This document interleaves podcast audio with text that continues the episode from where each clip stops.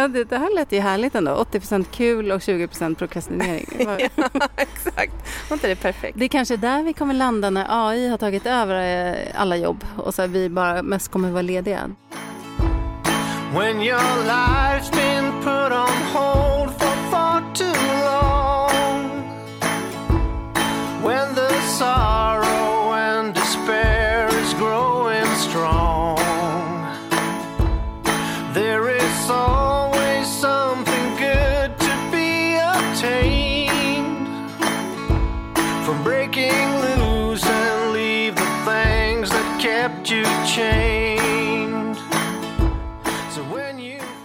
Är september.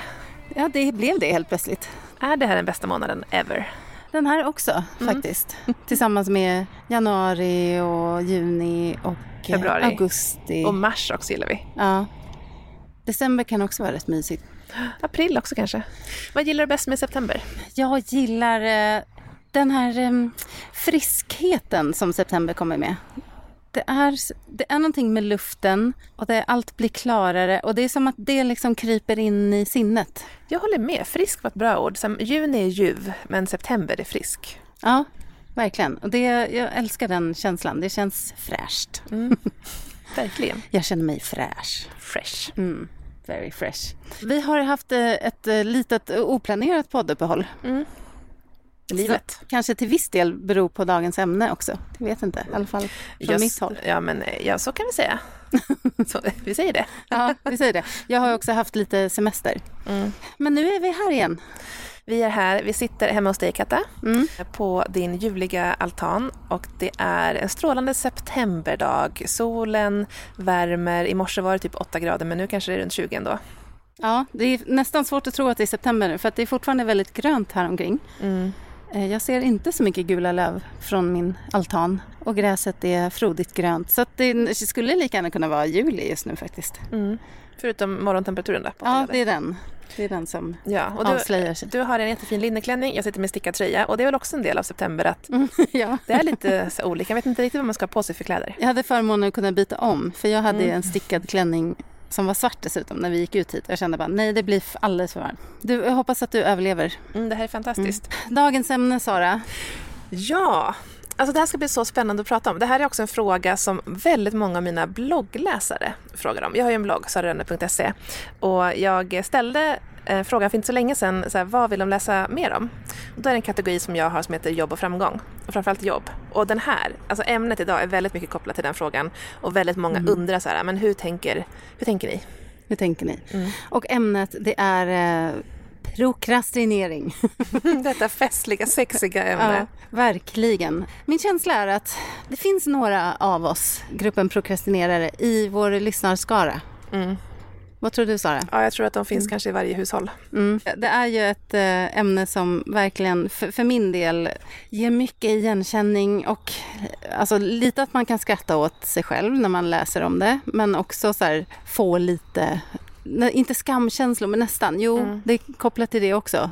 Men vad är definitionen av att pro prokrastin... Jag kan inte ens uttala det. Prokrastinera? Proka Prokrastinering. Okej, det ja, är hela tiden? Det är hela tiden. Det kan vi ha som reminder. Prokrastinering. Definitionen på det. Vi frågar Wikipedia. Vanemässig och kontraproduktiv senareläggning, förhalning eller undvikande av planerade handlingar, beslut och arbetsuppgifter. Mm. Trots vetskap om att det kan leda till negativa konsekvenser. Det, det där är väl huvudet på spiken, mm. man kan säga. Ja. Så man gör ingenting fast man vet att man skulle må bättre av att göra någonting? Ja. Och det, det kopplar väl mycket till det här instant gratification och delayed gratification. Ja. Om du skulle skatta dig själv på en skala, så här, om vi ser på det här liksom allmänt då, där noll är så här, jag gör allting exakt på en gång utifrån det jag vill åstadkomma då. Eller tio, nej men jag skjuter upp trots att jag verkligen vet att jag skulle må så mycket bättre om jag gjorde nu. Hurtig sjua kanske? ja, jag tror jag ligger på femma.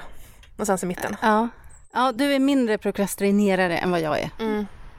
Tror jag. Det, det, är min känsla. Ja. Men vad, vad, vad väcks i dig när, när du hör ordet? När Men inte, jag har ingen känsla alls till det. Men jag tror att det här kommer också an på två av våra grundläggande olikheter att jag mår liksom inte så dåligt över saker jag inte är bra på. Vem är jag ens som säger detta? Alltså jag förstår ju, ja, men så här, det finns ju grejer som jag inte gör på en gång. Men det är det här också med att prokrastinera, att jag mår ju inte jättemycket, alltså jag mår inte så dåligt av att inte göra det. Eller så att jag, det är inte ett undvikande beteende och det är inte så att, så här, att det kommer bli något negativt. Jag har bara liksom ingen känsla till det. Sen så finns det vissa grejer, absolut. Det är därför jag är en femma. Mm. Det är inte så. Och där tror jag vi kommer till att vi, vi tillhör olika typer av prokrastinerare, Ja, vad intressant. tror jag. Mm. Eh, och det finns, finns ju olika orsaker till att man pysslar med det här. eh, eh, något, Pysslar med detta. Berätta. något oproduktiva mm, vanan. Mm.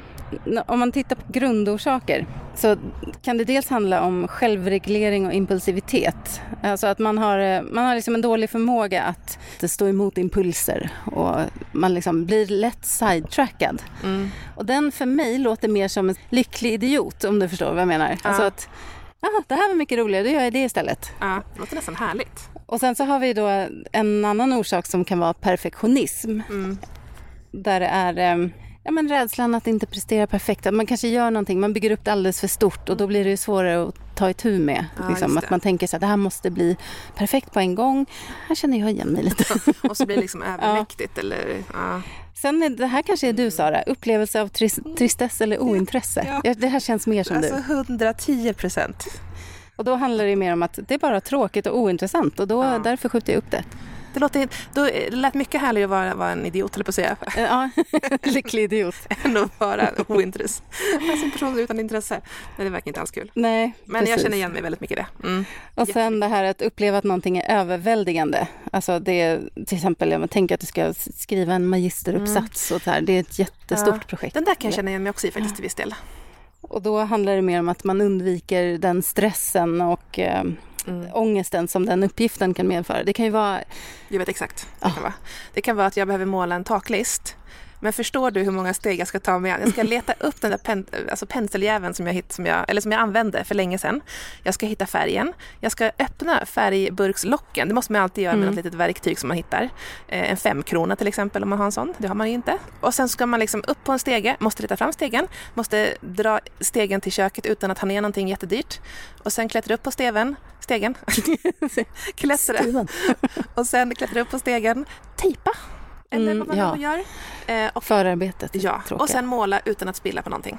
Du förstår hur överväldigande det Ja, ja, jag förstår. Eh, Jag skulle kanske personligen tycka att en magisteruppsats är mer överväldigande. är. Ja. Att göra, Men är det för att det är prestation i den? faktiskt. Men, men jag relaterar verkligen till det där, eh, Mm. där det enkla man bara, ja, jag ska, jag ska börja med det här, men då måste jag först kolla upp någonting och så måste jag dö, dö, dö. och så har man ju sin vardag som löper på och, och det krävs lite för att liksom, just det, nu sätter jag mig och gör det där Ja. och alla förberedande steg som nu kan krävas. Men jag tror att framförallt det här perfektionism och överväldigande, Mm. det handlar ju mycket om, om negativa känslor inombords. Mm. Medan de andra, alltså tristess eller ointresse och eh, att det bara är mm, im- impulser som är svåra att hantera. Mm. Det är lite mer, det kanske inte är kopplat till så mycket självbild och negativa känslor. Det är mer bara, oj då, jag råkade göra något annat istället. Eller, äh, det här var tråkigt så jag gör något roligare. Ja. Ja, om man tittar på de, här, eh, på de här fyra så skulle jag säga att min femma på skalan, den handlar till eh, 25, eller kanske, nej, till eh, kanske hälften, hälften. Hälften på grund av tristess och hälften på grund av att det är överväldigande. Det vill säga att det är så många steg så jag Mm. orkar inte ens börja. Och tänker att ja, ja, jag har levt med det här ett tag nu, jag behöver nog inte fortsätta. Nej. Det kan vänta ett tag till. Undrar vad jag är på skalan då. Jag tänker att perfektionism det är kanske 80 procent för Mm. mig. Liksom, eller prestationsångest, den, den biten. Ibland är det också tristess eller ointresse. Det här med impulser, det har jag nog lättare... Det, det är inte det som kommer i vägen för mig. Men det här med överväldigande, ja jag bygger upp någonting. Men det handlar ju lite om perfektionismen. Den gör ju att Ja. jag gör många saker mycket större än vad de är. En sak som jag kunde skjuta upp mycket mer förut, och det var ju dumt, det var det här med att fakturera som egenföretagare. Tyckte det var, liksom- jag vet inte, tråkigt, jobbigt, eller var det något av de här andra fyra orden? Vad tror du? Var det överväldigande? För jag var tvungen att logga in på ett program och leta upp hur mycket jag skulle fakturera. Alltså det är inte så, när man pratar om det så här precis som det här med penseln, det låter ju inte så jobbigt. Men så här, sett i sitt sammanhang så är det många olika delar. För mm. jag tänker, det är ju inte självreglering och impulsivitet, det är inte det. Det är inte perfektionism. Nej, en faktura är en faktura liksom. Ja, tristess. Mm. Kanske att det måste vara väldigande. Ja, en, en eh, nära kär till dig mm. just när det handlar om fakturering, har ju väldigt mycket så här, hålla reda på... Du menar min sambo? Ja. Han ska ju fakturera skruvar och muttrar ja. och, och sådana saker. Ja. Där hade jag varit bortkollad på en gång. Jag ska ju mm. hålla reda på mina timmar och ja. det är ju ganska enkelt. Mm. Eh, han, eh, han prokrastinerar ju väldigt mycket. Och, men där skulle jag säga att det är självreglering och impulsivitet. Det vill säga han bjuder hem dig på middag istället för att fakturera när jag är borta. Och tristess. Han tycker det är jättetråkigt. Han gillar inte papper, säger han. Det är en dator han ska logga in i bara. Men det är det att man ska hålla reda på vad är det som ska faktureras och till vem. Han ska räkna med påslag och sådana grejer också. Ja, det är överväldigande för honom också. Ja, det är mm. varenda del där tror jag. Ja. varenda. För jag vet ju, jag har mitt timpris och sen ska ja. det på moms och det görs automatiskt. Mm. Så att jag behöver bara hålla reda på mm. hur många timmar har jag jobbat. Mm. Att fakturera kanske är lite grann som att betala räkningar. Det är också något som inte är så kul. Mm. Där har vi ett område för mig. Inte så mycket egentligen att betala räkningarna, Nej. men att, att öppna, öppna posten. Ja, jag vet, jag tror, öppna kuverten. Och det tror jag faktiskt att ganska många ja. kan känna igen sig i. Ja, men jag håller helt med. Fy, alltså jag kan undvika det Alltså, det är skadligt, självskadligt mm. beteende. Ja, men det blir lite dåligt när man liksom har fått en räkning ja. och sen så får man en påminnelse via sms eller något annat eller mm. till pappers, papperslapp. Och alla dessa onödiga påminnelseavgifter. Alltså, om jag hade det i siffror så skulle jag nog få en stark motivator till mm. att betala i tid och öppna posten. Ja. Oh, det, är någonting med det där. Jag kommer ihåg när min hembank kom med den här att man kunde liksom läsa av alla siffrorna, OCR-nummer och allting.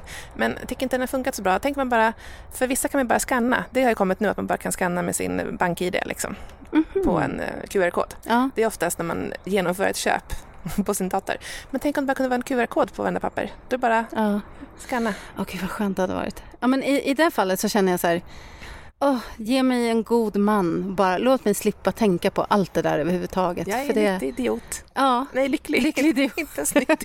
ja, men det hade varit ja. så skönt. För det är den delen av företagandet som jag mm. tycker är absolut jobbigast. Det är mm. det tråkigaste. Alltså det är tråkigt och det är överväldigande och det är tråkigt igen. Mm. mm ja, usch.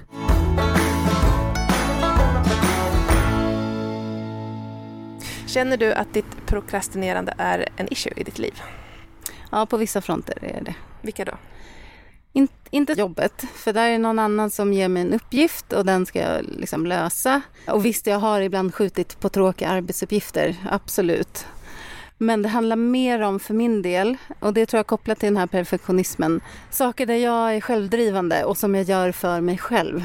För där kommer det in någon slags prestationsångest. Vad händer då när du tänker så här, åh det här vill jag och sen så börjar göra det och bara Nej men eh, här måste jag dammsuga. Eller liksom, vad, är det något annat som sker i huvudet? Ja, men jag sätter, så, det ska vara så himla bra och eh, nyskapande och väl utfört.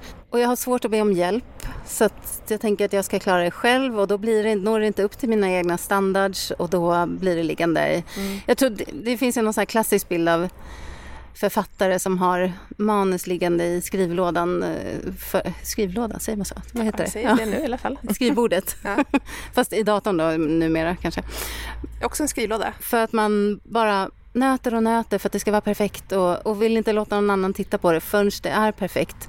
Men grejen är att då blir det ju aldrig perfekt heller. Ibland måste man ju bara mm. ut med det och få liksom input och kanske be om hjälp. Och, mm ta hjälp med vissa saker. Till exempel för min del så handlar det om eh, formgivning. Nej men det ska jag inte göra själv. Jag det kommer det se ut som en femåring har designat sakerna. Mm. liksom, det, det ligger någonting där i perfektionismen eller prestationsångest. Men eh, först kan vi väl prata om varför är det så himla svårt att bli av med det? det alltså, för det är, ju, det är ju ett mönster som man mm. återupprepar gång på gång på gång om man inte gör någonting åt det. Mm. Och vad, vad säger du Sara, har du någon idé på varför det är så svårt? Ja, men det, jag tänker första grejen, det är det här att eh, vilja prokrastinera, det vill säga få göra något mer kul, eller vilja göra något mer tråkigt, eller mm. jobbigt, eller svårt. Så det är ju grundproblemet, känns som. Instant gratification-grejen. Ja, exakt. Att jag skjuter upp det här så kan jag eh, chilla och kolla på Netflix. Ja. Det är mycket härligare. Netflix and chill. Mm. Ja. Ja, göra. Det roliga är också när man har, man har någon jättetråkig uppgift så gör man en annan tråkig uppgift istället. Typ så här, jag ska skriva den här uppsatsen, Mm. men eh, oj, jag råkade börja städa eller Mm. vika tvätt. Eller kän- nej, jag ska sortera bokhyllan. Det känns som att det är så här självlur. För att man undermedvetet vet så här att okej, jag gör inte det jag ska göra, men gör någonting annat nyttigt. Ja, precis. Det är ändå produktivt. Så känner man sig ändå nöjd tills man kommer på sig själv Ja, med handen i kakburken. mm, exakt. Den eh, är jag inte så bra på. Så jag prokrastinerar för att jag... Ja, men det har nog med kanske ointresset att göra. Att så här, jag vill inte göra något annat tråkigt, då vill jag göra något kul. Men jag kanske... Ja. jag vet inte. Jag, måste, jag kanske inte är så duktig på självreflektion här. Jag kanske självlurar mig. Har du, nej, hur påverkar det ditt liv förresten? Det glömde jag fråga. Upplever du mycket negativa effekter? Ja, men jag, kan ju för, jag kan ju se att jag har en del dödtid för att jag gör annat för att något jag egentligen ska göra är för tråkigt.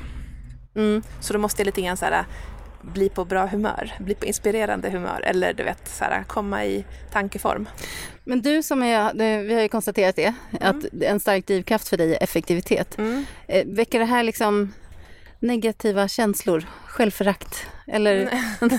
Nej, nej, men jag kan på ett sätt eh, jag kan eh, ändå kategorisera in det som i till exempel så här, mental uppvarvning eller mental uppvärmning.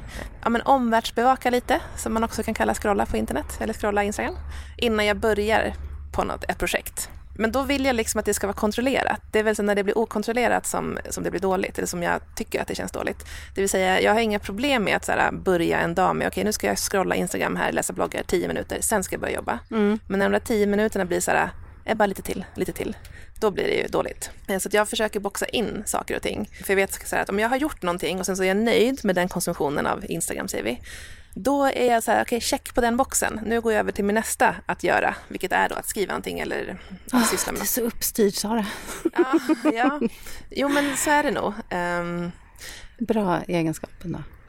Men vet du, nu nu ska jag outa dig lite här. Mm, gör det. Jag vet ju att du har en grej som har förföljt dig i oj. två år, Ja, ett och ett halvt. Mm. En, eh, en viss lucka i köket. Ja, jag vet. Har, vad, vad känner du när du tänker på den? Mm, alltså. ja, men det är tråkigt. um, Okej, vi har en, en köksfront, som, eller köket har en, en lucka, eller alltså en tom. Alltså, Just finns- nu har du inte det. Du Nej. har ett skåp utan lucka. Ja, exakt. Nej, men vi beställde ett IKEA-kök eh, och sen så kom inte alla grejer och sen så kom någonting fel för vi hade beställt, beställt fel format. Och sen beställde jag den här luckan två gånger om och det var fortfarande fel format för jag mätte inte så jävla noga. Eh, och nu tycker jag inte alls om den, det här hålet eller luckan. Vi har ändå köpt en lucka i rätt size. Det är bara det att vi har inte monterat på den ännu. Men där är jag så nöjd med att jag har köpt den och den finns hemma. Så då är jag så här, okej, då var det här klart. Ja, då lever du på det. Ja, exakt. Um, Likaså så ska jag ha köpt knoppar till fronterna. Det har jag inte gjort. Vi har, jag vet exakt vilka det ska vara och hur många, men det känns väldigt jobbigt att trycka på köpknappen av någon anledning. Det är så intressant det här alltså. Mm. Kanske för det är lite tråkigt, jag vet Ja. inte. För det är inte överväldigande, nej. Det är inte perfektionism, nej. Jag vet exakt vad jag ska ha. Och det jag är liksom inte att jag blir så här eh, impulsiv och gör annat. Det är bara tråkigt tror jag. Ja. Tråkigt att köpa. Jag kan bara köpa dem åt mig så är jag jättenöjd. Här får du pengar, det är inte det heller. Jag går in på den här sajten och lägger i antal i varukorg och trycker på köp. Det, jag, vet, jag vet vad det är jag kommer på nu. Om jag hade fått dem direkt efter köpknappstrycket, då hade jag varit nöjd. Men nu ska jag liksom vänta två veckor. Då behöver jag inte ens göra det idag, för det kommer i alla fall inte sen. Alltså Nej. sen då som Alltså, så de kommer ju aldrig då. då. Nej, Men- exakt. nej. Men det har inte så... det, Så långt har inte tanken gått. nej, exakt. Nej.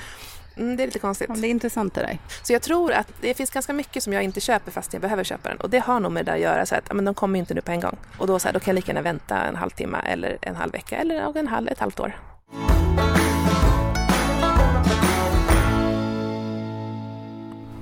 Men nu inser jag, när jag, för när jag, jag sitter här och liksom pushar dig på lite mörker och Mm. har, har du inte ett uns självhat i det här? för jag inser att hos mig så, så blir det, det är som att jag internaliserar det och så blir jag "Åh, jag är en dålig person eller jag Mm. kan inte prestera när det krävs. Eller du vet, det, det blir negativa känslor till mig. Och jag tror att den onda cirkeln är det här att då blir motivationen ännu lägre att Mm. sätta igång. Mhm. Så jag tror din eh, approach till att så här, ja det är vad det är. Ja, jag prokrastinerar ibland men eh, det, Ja, det är väl inget. Jag tror Nej. att den är lättare, då är det lättare att, och det blir kanske mindre av det. För att Ja. man eh, inte har så mycket negativa känslor kopplat till det. Så är det ju. Nej, jag, jag tycker inte att jag är en dålig person. För att jag inte beställer de där. Och, Inte ens lite.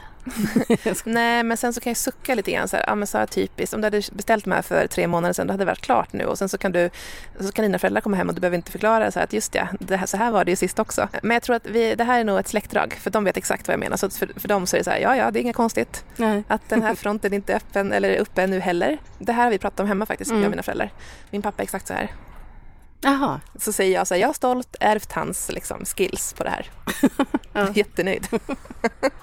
Men då är frågan om jag kanske har em, potential att prokrastinera mer. För eftersom jag inte liksom, lägger något, något, någon självkritik i det så har jag jättemycket utrymme att bara öka på min prokrastinering. Ja. Det är dåligt. Du är inte inne i en ond cirkel då, så att du kanske... Nej, är bara nya cirklar.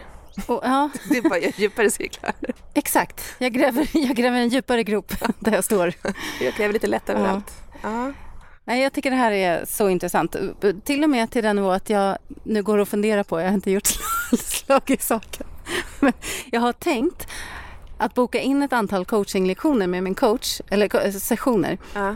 På det här ämnet. När det gäller det här, eh, för de saker jag vill göra för mig själv. Mm. För det är så skönt, om man är konsult och jobbar för någon annan, så är det, Mm. ja, absolut. Ge mig en uppgift, det här löser jag. Jag ska hjälpa er att bli bättre. Men när det handlar om mig själv och att jag ska hjälpa mig själv bli bättre, då är det svårare. Vad beror det på? Mm. Det borde ju rimligen med all liksom, intellektuell logik vara mycket lättare att jobba för någonting man själv vill och som är för ens egen skull.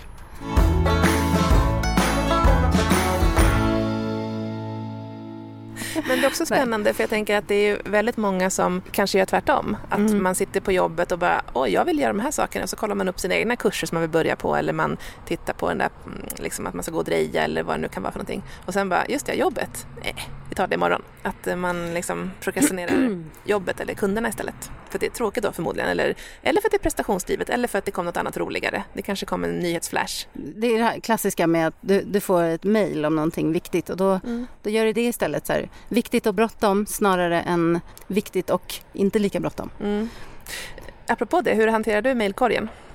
Det brukar vara en sån här typisk eh, prokrastineringsfråga. Mm. Eller, man säger, eller ja, egentligen kanske inte, utan det här är väl en, en impulsfråga. Men eh, brukar du liksom kolla det hela tiden? Du kan så här, sitta och jobba med en presentation eller vad du nu gör för någonting. Och sen bara, jag ska bara kolla mejlen lite grann. Jag har, Eller varit, jag har varit båda delar här. Alltså, jag har absolut tyckt att det varit härligt när eh, men plinget du, saved by the bell, när man sitter med en tråkig uppgift och så bara oj, här kom det ett viktigt mejl, vilken, vad synd att jag måste hoppa över till det och jobba med det istället. Ja. Sen har jag ju också kört varianten där jag stänger ner allting när jag verkligen behöver jobba med någonting som ska vara klart och som, eh, där inte kan störas. Eh, Så det, och det är ju ett hett tips. Mm. Gör det. Avsätt tid och stäng av alla distraktioner. Vilka notifikationer har du på din telefon? Nästan inga nu. Jag har Messenger och måste tänka vad är det mer som kommer upp. Nej, det är det. Ja, jag har stängt av Instagram. Jag har inte Facebook i telefonen. Jag har inga nyhetsnotiser. Ja, det är Messenger. Och sms då såklart när det ringer och sånt. Men jo, vänta. Nu har jag faktiskt eh, Teams och Outlook har jag också nu. Mm. Så, så just nu, det är ganska lugnt i min telefon faktiskt. Mm, vad skönt. Mm. Nej, jag är också nöjd att jag inte har Instagram. Ja, det, det hade varit Ja, outhärdligt. Ja, Det är så mycket där. så, så många som slidar in i det. Ja, verkligen. Men det är också en app som, som det verkligen du fastnar i när du går in Mm. på ett annat sätt än Outlook. Du sitter inte och slöscrollar Outlook. Nej. Det, det är lika givande. Nej, det är inte lika kul.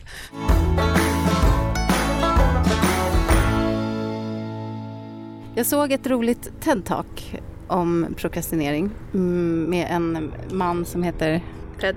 Ted. Ted. Han heter Ove. Tim. Jag menade Ove, så jag kom på Ted bara för att du sa Ted. Tim heter han, inte Ove. Tim Urban. Han målade upp en rolig bild av det här i huvudet som jag tyckte var, det var så kul att tänka på. Att dels att alla har någon slags rational decision maker i sin hjärna. Som vill liksom, jaha, nu har vi fått en uppgift. Hur är bästa sättet att göra den här? Och så sätter vi igång. Och sen då på, i prokrastinerare så finns också en instant gratification monkey, kortsiktig belöningsapa. som, då hade han ett så kul, ett citat från den här apan. Actually, let's read the entire Wikipedia page of the Nancy Kerrigan Tanya Harding scandal because I just remembered that that happened. Det, det, jag tyckte den var så rolig, för det tror jag man kan känna igen sig i. Att ah, nu ska jag göra det här viktiga, men först bara måste jag Ja. Kolla upp hur det egentligen funkar när flygplan lyfter. Mm. Så kan man fastna i det istället. Och han menar ju då att den här apan den vill bara ha, ha det lätt och roligt hela tiden. Ja. och sen då, det här tyckte jag var så intressant också för att ofta har man ju en deadline på saker. Mm. Och då introducerar han The Panic Monster som den här lilla apan är livrädd för. Och den, när den kommer in då, när det kanske är en vecka kvar till någonting stort eller en timme eller ett dygn. Då kommer den in och skrämmer bort apan och då får Rational Decision Maker ta över. Och, och då liksom jobbar man på som 17. Och det, där känner jag igen mig att jag brukar säga men jag jobbar bra mot en deadline. Mm. Så jag blir triggad av det och eh, blir bättre av det. Typ. Kniven mot struten. Ja, Mm. men det brukar ju också ofta föranleda ganska mycket onödig ångest och stress och innan man har satt igång med det där stora viktiga som man vet väntar Mm. runt hörnet. Sen finns det ett till problem och det är, där kommer vi in på det här med att göra något för sig själv och Mhm. egna grejer. För att när du inte har en deadline då, Ja. det är ingen annan utifrån som kräver dig på saker, då kan det här ju bara fortgå i all evighet, Ja. det prokrastinerandet. Så därför behöver man ju ta tag i det. ja, verkligen. Vad intressant med Monkinsen där. Man har en... Jag ska bara läsa den här bloggen först, Monkin. Den har jag. Ja, det är också lite skönt att tänka att men det är inte jag, det är Ja. den här lilla apan. Japan som kommer. Det är den som styr. Ja. Och det är ju liksom i grund och botten så är det ju en stark mänsklig drift som vi kämpar mot Mm.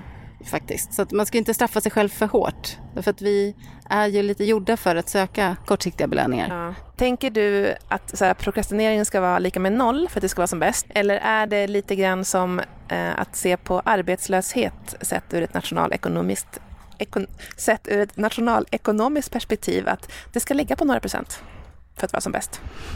Aj, gud, vilken intressant fråga. För vad skulle man vinna på?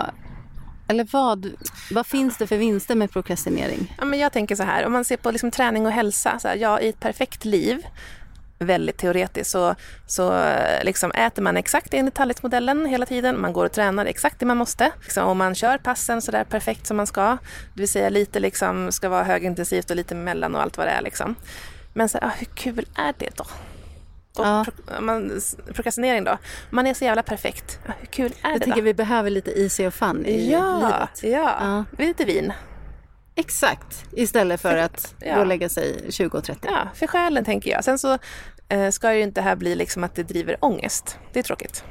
Nej, det, det är den här klassiska balansen man behöver uppnå och 80 bevara. prokrastinering, 20 fun. Ja, Applicera det på den också. Tvärtom Ja, kanske, jag det var 20 prokrastinering, 80 Inte fun, utan jobb. Ja, så Ja. blev det. Det blev det lät mycket tråkigare när det sades. Ja, det, det här lät ju härligt ändå. 80 kul och 20 prokrastinering. Ja, exakt. Var inte det perfekt? Det är kanske där vi kommer landa när AI har tagit över eh, alla jobb och så vi bara mest kommer vara lediga. Då Eller våra hjärnor. har vi jättemycket. Mm, vi kanske får ett chip in, inarbetat, eller inopererat. Så, Och då prokrastinerar vi inte så mycket, för då bara utför vi. åh gud vilken mörk framtid. Då är vi AI i en mänsklig kropp. Vet du, det här senaste avsnittet jag tipsade dig om, eh, Mm. om AI, där pratade han om att ja, men om 20-30 år har vi nog full, ja, men typ robotar som ser ut som människor, pratar Mm. som människor fast är otroligt mycket mer effektiva. Ja. Fy vad hemskt. ja. Alltså, kan någon stoppa den här utvecklingen?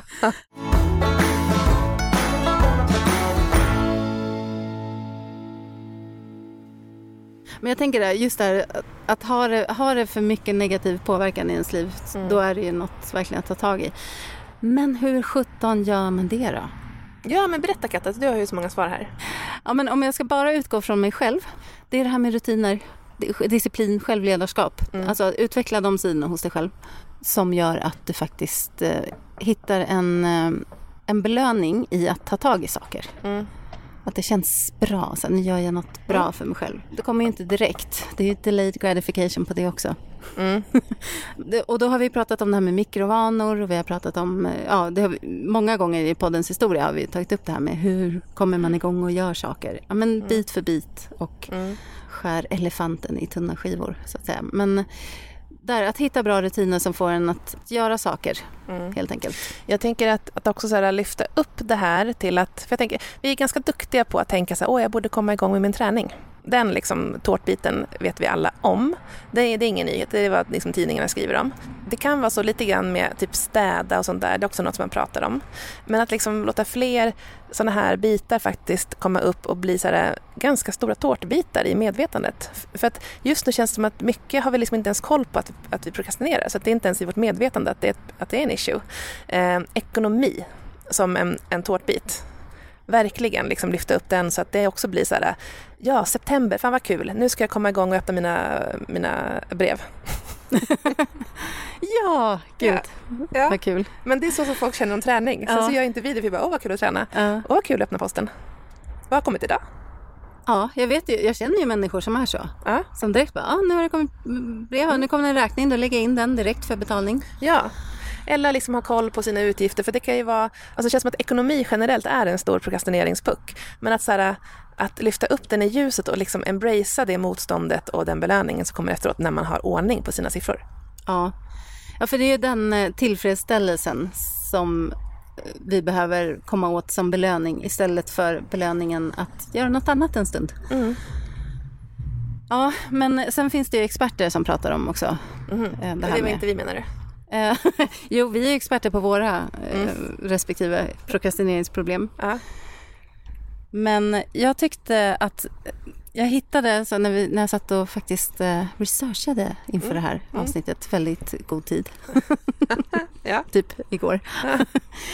Då hittade jag, Studenthälsan hade lagt upp på typ, om det var så här, Karlstad universitet, eller, några jättebra tips för nyblivna studenter. För där är det mycket så här att det kan vara både prestationsångest och det kan vara överväldigande. Man, man har inte pluggat på det sättet förut och man har framförallt kanske inte behövt eh, driva sig själv. För att när man är liten har man ju oftast hjälp att göra läxor och Mm. om man är lyckligt lottad och med folk som bryr sig runt omkring. Men så de har lagt upp några tips som jag tyckte var så bra som kan appliceras liksom på andra delar i livet eh, förutom studier.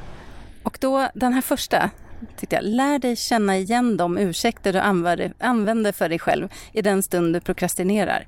Till exempel, jag är för trött eller jag kan inte göra X när jag inte är på rätt humör.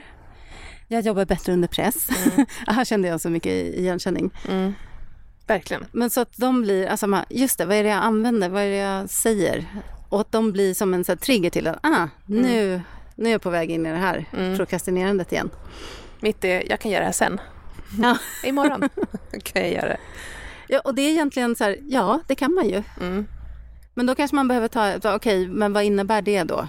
Och vad är det då jag inte kan göra imorgon för Ja. att jag ska göra det här? Eller också så här, vad ska, vad ska jag göra nu då? Liksom. Och Ja. så gör jag något annat som kräver ungefär lika mycket effort. Mm. Ja, Ja, så man får liksom genomskåda sig själv och pusha lite. verkligen.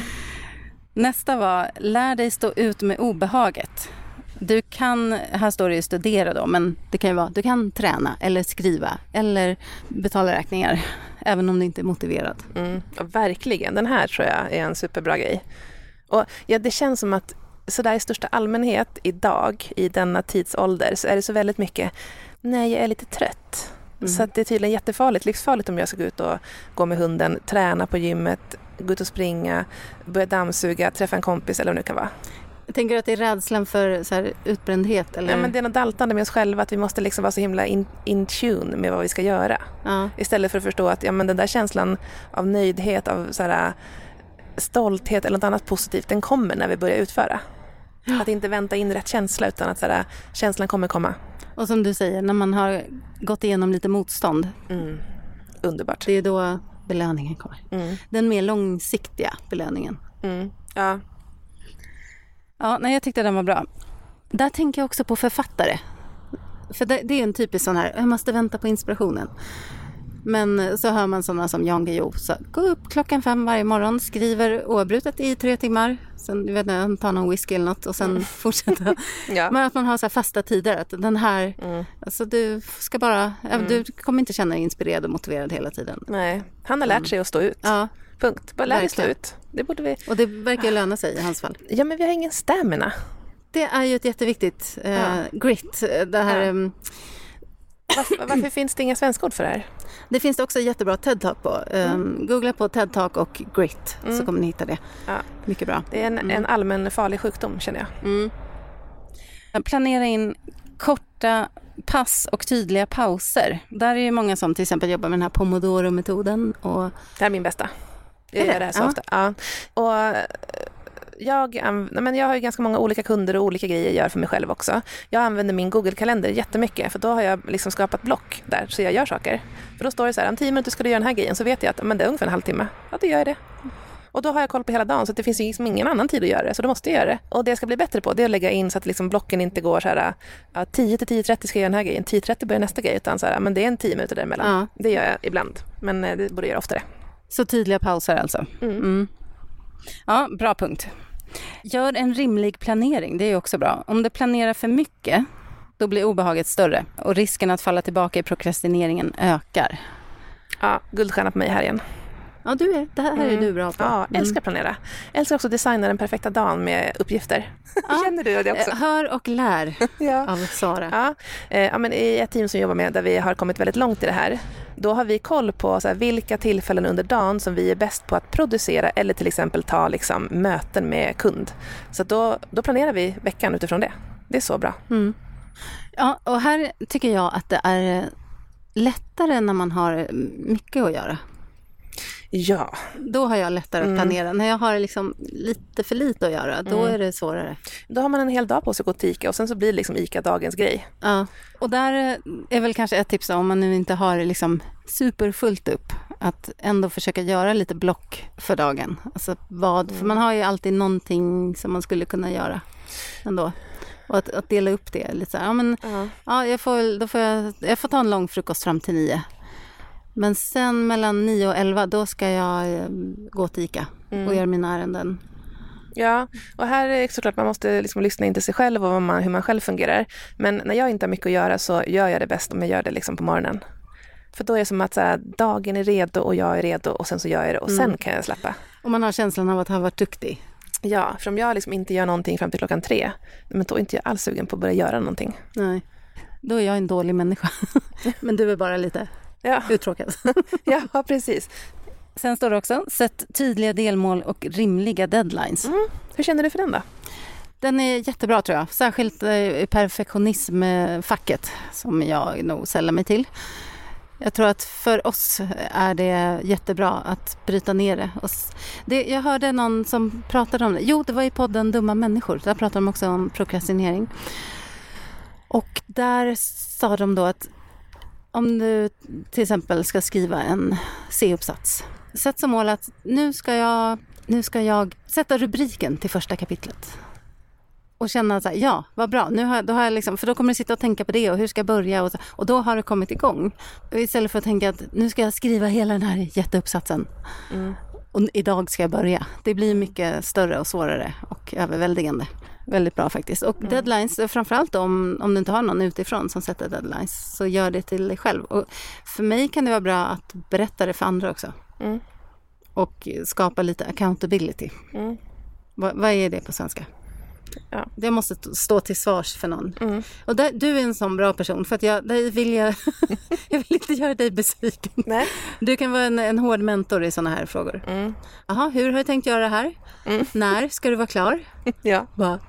Det är ett bra sätt då, om du inte har liksom en, någon annan som sätter deadlines. Så, Men sätt dem själv och be någon annan följa upp. Mm. ja, men jag gillar den här också jättemycket. Men jag tror att jag har ganska mycket hjälp eftersom jag älskar struktur och planering. Så jag går ju igång på att så här, skapa deadlines för saker och liksom eh, så här, okej, på torsdag ska jag gjort den här, sen så är det klart på fredag och du vet så. Det är ju det jag gillar med veckan. Så jag har nog mer procrastinerings-issues med att så här, göra det sista i projektet än det, första med att skapa planen liksom.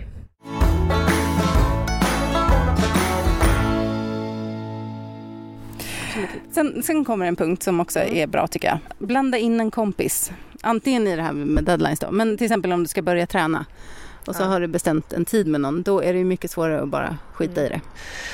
Ja, och det kan vara kompis, men det kan också vara utifrån träning, då, en PT, en coach. Alltså alla så här, ta alla hjälpmedel utifrån som finns så att du hålls ansvarig för dina handlingar och liksom måste rapportera hur det går eller då checka in liksom med kompisen till exempel. Det är så bra. Jag tror också att det blir roligare. Mm. Om vi nu till exempel pratar om det här med träning. Eller som när jag känner att oh, idag är jag lite omotiverad att jobba. Om jag då åker och kaféjobbar med dig till exempel eller någon annan så blir det roligare. Mm. Då åker jag iväg på en arbetsdag. Mm. För jag vet också att bara sitta hemma är det är liksom svårare, tråkigare i för stor dos. Mm. Jag behöver komma ut och sitta med andra också. Mm. Jag märker med att vi pratar att det är lite grann hur man prioriterar och prokrastinerar. Det finns vissa, liksom, ibland blir det lite grumligt de här två emellan. Eh, för jag tänker så här, just eh, att ha en PT behöver inte handla om att man inte vet hur man tränar. Utan att ha en PT som man checkar in med typ en gång varannan månad, det gör ju att man själv prioriterar att träna. För vissa kan det vara som så att man själv prokrastinerar mindre för att man vet så att, men kanske är det mer prioriterande ändå. Förstår du hur jag tänker? Alltså, prioritera, alltså att de är lite, det är lite grus mellan de här. Ja, men jag, är inte liksom grunden i prokrastinering är att du inte prioriterar rätt saker mm. av någon anledning? Ja, för det är väl det, liksom, prokrastineringen, då, då blir det självskada på något sätt för mm. att man inte prioriterar. Alltid, du vill ju landa i slutändan i att du prioriterar det som är viktigt och mm. eh, ger den effekten du vill uppnå. Ja, och in, inte prioriterar vilan eller Netflix. Nej. Liksom. Sista punkten, den gillar vi båda två. Mm, belöna dig själv. Ja, det här är alltså att man ska rewarda sig själv när man har gjort något som man annars hade prokrastinerat. Vad är ditt eh, favoritsätt att fira? Mm, med vila, med scroll, eh, med att blogga, med att fixa mina bilder som jag fotat. Jag tror att ehm, det är lite olika. Jag brukar tänka så att okay, jag ska skriva texterna till mina kunder först och sen får jag skriva texten mig själv, för min egen blogg till exempel. Men ofta så kan jag komma igång med skrivandet när jag skriver min egen text först. För då, är jag liksom, då har jag blivit uppvärmd, då kan jag bara riva av allt annat också. Då är det inte så svårt. Men rent logiskt så borde belöningen vara att jag får göra mina egna grejer. Ja, det här är ju kul att fira tillsammans med någon då, om man nu har mm. blandat in någon annan i, i det här. Ska vi fira när vi öppnar posten? Ja, ska vi ha en postöppnarfest? Klubb? Ja, ja klubb. Ja, jag och Lotta hade den här tacksamhetsklubben förra hösten. Ja. ja, då kan vi följa upp på varandras mm. postöppnande. Men det kanske måste öppna oftare än en gång i månaden, eller? Ja, jag tänker det, för vi vill ju fira ofta. Okej, okay, så varenda gång vi går till brevlådan och faktiskt öppnar någonting. Men man kanske måste betala också, om det är räkning, annars kommer det läggas på hög. Ja, betala, lägga in dem för betalning mm. eller betala mm. direkt. Mm. Och då får vi så här high-fivea varandra. Mm. Vi måste hitta på någon bra belöning här också. Men bekräftelse då, kan inte det vara ett bra firande? Ja, det är det faktiskt. Mm. Så att om jag säger, om jag tar en bild, nu betalar den här, så jävla glad. Ja. Du bara, fan vad du är så jävla otrolig. Ja, ja. Så kommer världens bekräftelse. Sara, vilken A-människa du är. Mm. Ja, exakt. Vi börjar där. Ja. Vad belönar du dig med annars? Det är nog, men till exempel, säg en sån här fin dag. Då kan det vara så här att när jag har gjort det här, mm. då får jag gå ut på fjället och känna mig ledig. Jaha, jag tänker så. Men det kan också vara sitta och redigera bilder. eller, ja. Men det där, jag får känna ledighetskänslan. Mm. Mm. Det är nog min bästa. För att känna att jag har varit duktig. Ja, jag känner också känna ledighetskänslan och inte behöva jobba med datorn på kvällen. Ja. Stänga ner. Det är liksom en stor mm. belöning. Mm.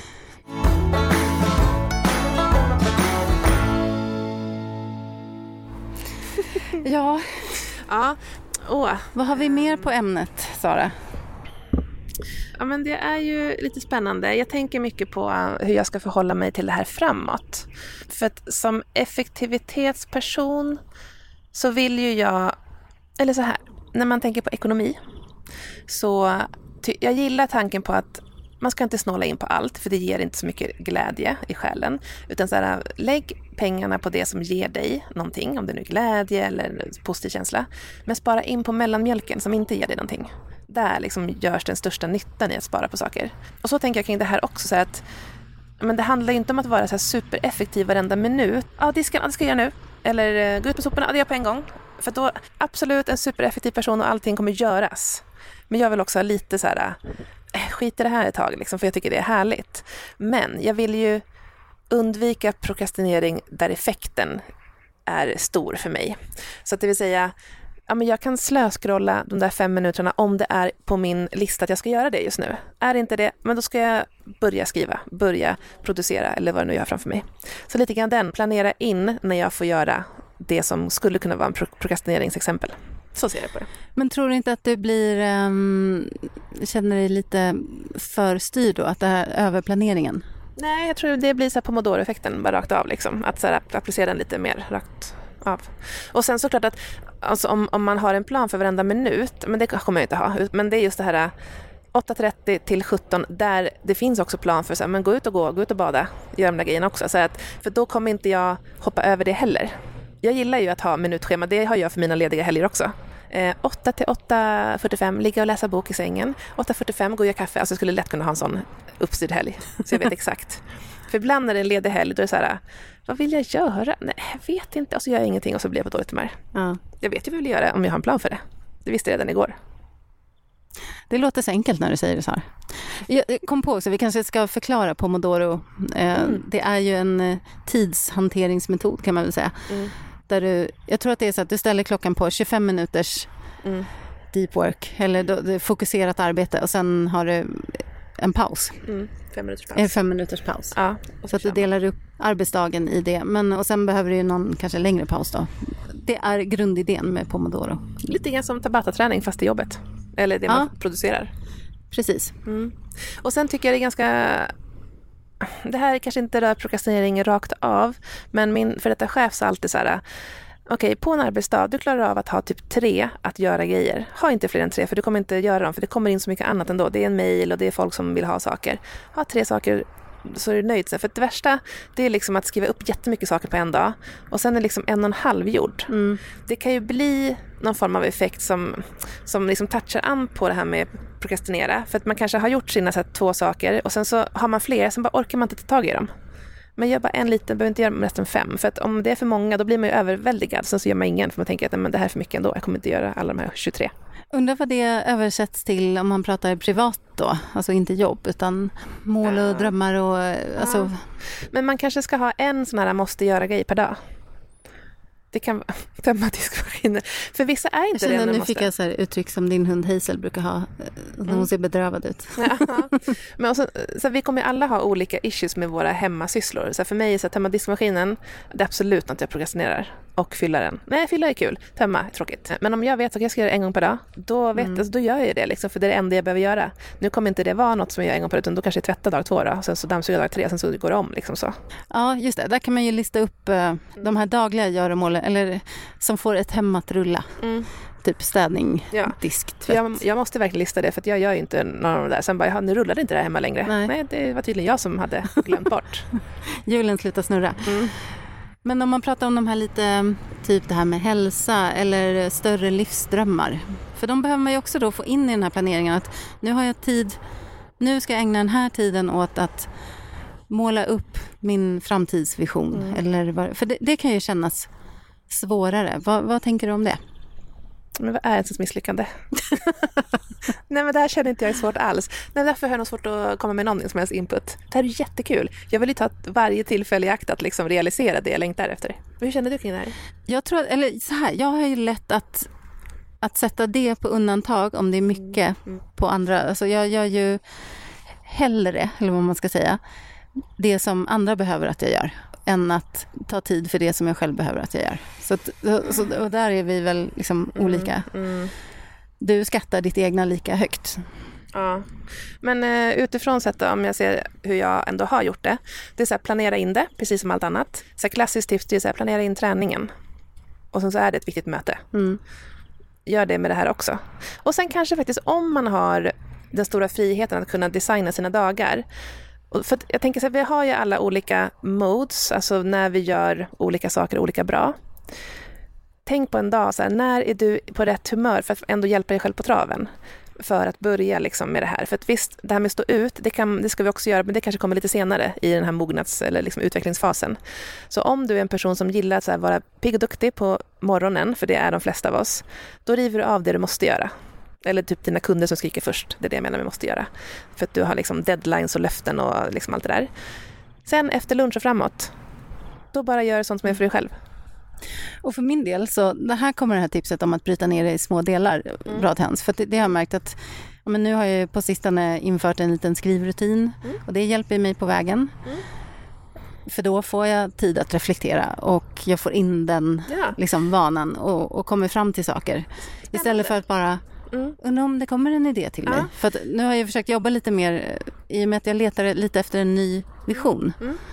För att jag har ju uppnått den jag ville ha. Mm. Eh, Så då har jag behövt fundera på så här, hur, hur kommer jag fram till den då? Ja, jo men då behöver jag ju i mitt fall skriva mig fram till den. Det här var ju ett avsnitt som vi hade för några veckor sedan, det här med när vi svarade på några självreflektionsfrågor. Och då skrev vi också dem först. Hur har det gått med skrivrutinen efter det? Det har gått eh, bra för vara jag skulle jag säga. Mm. Jag har faktiskt hållit det. eh, Det det var en vecka då jag var bortrest. Då gjorde jag inte det så mycket. Men då hade jag däremot massa sådana samtal Mm. med de jag åkte med. Mm. Så det gav ändå mycket ändå. Men jag behöver ju också skriva ner. Mm. Att, eh, och det, jag har ju så sakta men säkert fått igång skrivandet ändå, tycker jag. Om man jämför med för några månader sedan. Mm. Så det, ja, där får jag ändå, då får jag kanske belöna mig själv då. Vad kul, vad ska Mm. du belöna dig själv med? Det vet jag inte. Ja, kanske jag ska belöna mig själv med en fjälltur då. Fint. Ehm, så du, utifrån då, från härifrån och framåt, in i evigheten, så ska du bryta ner dina liksom, um, självprojekt. Heter det självprojekt? Självprojekt. Ja, jag tror att det är eh, en jättebra nyckel för mig Mm. som då mycket fastnar i perfektionistfacket. Mm. Kanske också bra att blanda in andra och bollplanka längs vägen och inte känna att jag måste presentera någonting färdigt utan Mm. ta hjälp. Det vet jag, vi hade ett avsnitt med Jerry Engström tidigt i poddens historia som heter Get Shit Done, tror jag. Ja, om ni söker på det så kan ni hitta det. Och han pratar ju mycket om det, att hela hans resa med friluftsbyn och sådär så har han hela tiden luftat idéer, tagit in input och då har det också kommit folk till honom som kan hjälpa honom att förverkliga idén. Liksom, hade han suttit själv med allting så hade ju inte lika mycket hänt. Så att våga visa upp sitt alster innan det är färdigt. Dels så får du hjälp på vägen men du får också rätt personer till dig. För The om has your back. Ja men typ. säga. Man blir väldigt nyfiken på dina, din längtan nu, vart det här ska ta dig. Detta alster. ja det får vi se. Men Mycket spännande. det har ju inte formats än. Vad min nya vision Nej, ska vara. Mm. Det, men det lär vi återkomma till. jag tror det. Ja, men vad bra. Jag tänker också så här, du som lyssnar. Känner du igen dig eller tycker du att det här är helt eh, främmande? Oavsett så är det intressant att höra dina tankar om det kära ämnet prokrastinering. Dela med dig i vår Facebookgrupp Bortom ekorrhjulet, när, var, hur heter den. Man kan också skriva till oss på Instagram, Bortom ekorrhjulet, eller till dig Sara René. och jag heter Bucketlife.sc. Sök upp oss där och berätta vad du tänker. Ja, spännande. Det är kul att höra allas tankar kring det här. Ja, men då hörs vi väl igen om två veckor Sara, om vi inte prokrastinerar. Det, det är helt korrekt, Katten Jansson. Ta hand om er så länge och gör någonting idag som du har skjutit upp. Och tackar vill vi göra till Sven Karlsson, Epidemic Sound, för musiken. Det var allt för oss. Hej då! Hej! There's one way to walk this earth.